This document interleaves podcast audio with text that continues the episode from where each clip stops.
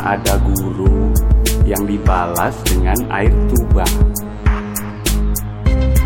Podcast yang muncul karena ada murid-murid yang males dekat sama gurunya. Dari problema dua pihak ini, maka muncullah si telur. Arsitektur ngelantur. Telur. Podcastnya guru-guru yang malas bikin PPT makanya bikin podcast Arsitektur Ngelantur. Kali ini materi yang akan saya sampaikan adalah materi tentang potongan. Materi potongan ini bisa didengarkan oleh teman-teman kelas 2 dan 3 di mata pelajaran konstruksi. Bisa juga untuk eh, pengantar di mata pelajaran mata pelajaran apa pak? Konstruksi dan kok aplikasi perangkat lunak. Karena di aplikasi perangkat lunak juga membuat oh menggambar sorry menggambar potongan. Nah nanti di sini saya akan menjelaskan apa sih itu potongan, terus jenis-jenisnya apa sih, terus komponennya apa sih. Selain itu, nanti saya juga akan menyampaikan gimana sih caranya menentukan uh, potongan ki kudu tak enak ngendi ya. Nah, nanti akan saya sampaikan. Nah, yang pertama itu tentang gambar potongan. Gambar potongan itu apa sih? Gambar potongan atau section merupakan gambar perampang bangunan yang diproyeksikan pada bidang vertikal yang biasanya berada atau diposisikan pada tempat-tempat tertentu yang membutuhkan detail. Nah, gambar potongan atau section diperlukan untuk suatu desain bangunan yang mana berguna untuk menjelaskan kondisi ruangan-ruangan. Itu yang pertama, ruangan. Terus ada konstruksi. Konstruksi itu dia lebih ke strukturnya. Dari bawah, dari pondasi sampai ke struktur atapnya, sampai ke penutup atapnya. Selain itu, dimensi. Dimensi. Karena apa? Ketika kita gambar potongan, kita akan tahu oh lebarnya segini, oh tingginya segini. Kalau dilihat dari denah itu kan dia cuma kelihatan apa sih lebar dan panjangnya. Kalau di potongan dia akan kelihatan untuk tinggi bangunannya. Selain itu, untuk gambar potongan itu ada jenis-jenisnya, tapi cuma ada dua jenis,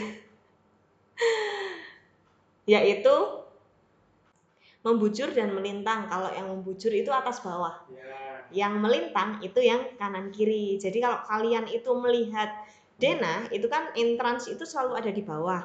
Nah, kalau yang melintang itu kan dia kanan kiri. Berarti ya ya udah dari kanan ke kiri itu garisnya. Kalau membujur itu berarti dari entrance ke belakang. Nah, itu jenis-jenisnya. Nah, sekarang kita akan belajar gimana sih caranya menetapkan objek yang akan dipotong atau delehke garis sing motong bangunanmu. Nah, Gambar potongan atau section biasanya diambil pada gambar yang dianggap titik terpenting atau interest point pada rancangan bangunan. Tapi beda lagi ketika Pak Adrian bilang kalau saya lebih suka uh, garis potongan itu ketika dia itu memotong banyak ruangan. Itu boleh juga, boleh juga. Tapi back to topic, pada bagian gambar yang dianggap interest point tersebut harus dapat diinformasikan dengan jelas. Kalau misalnya nih ada interest point, ada ruangan yang memang mau ditonjolkan ya itu harus dipotong. Nah, gambar potongan atau section harus dapat atau mampu menginformasikan konstruksi. Konstruksi itu apa aja? Ada struktur bangunan, ada ruangan, ada sistem cahaya, ventilasi, leveling perbedaan lantai, sistem langit-langit atau plafon, ketinggian bangunan, material, terus struktur bawah uh, bawah lantai, ada juga struktur atap.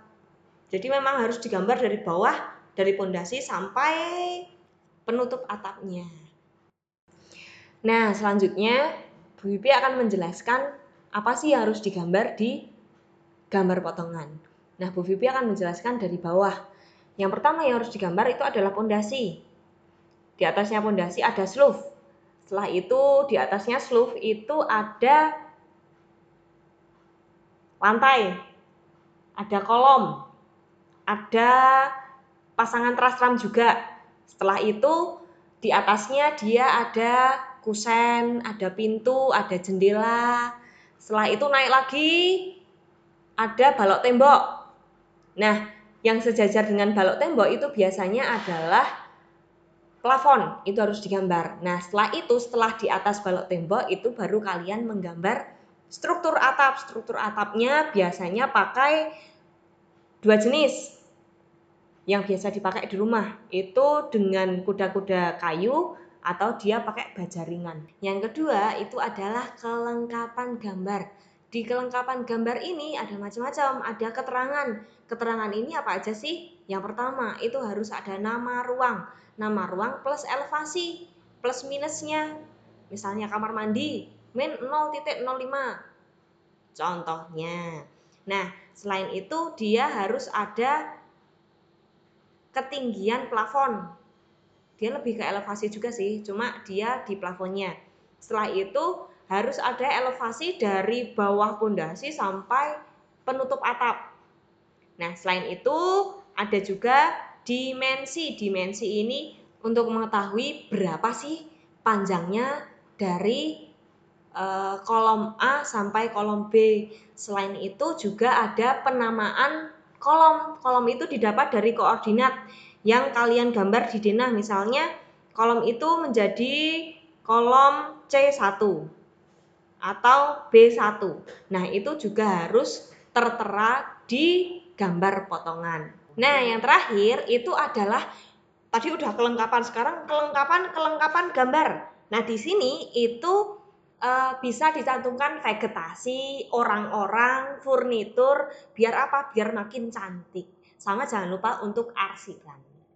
Nah, sekian nih materi untuk potongan kalau misalnya ada pertanyaan bisa langsung japri Pak Adrian atau japri saya atau langsung ke sekolahan. Nah, karena apa? Tugas kalian minggu ini itu adalah kalian harus menggambar dua potongan minggu ini. Kalian saya tunggu untuk asistensi. See you and I see you. Terima kasih.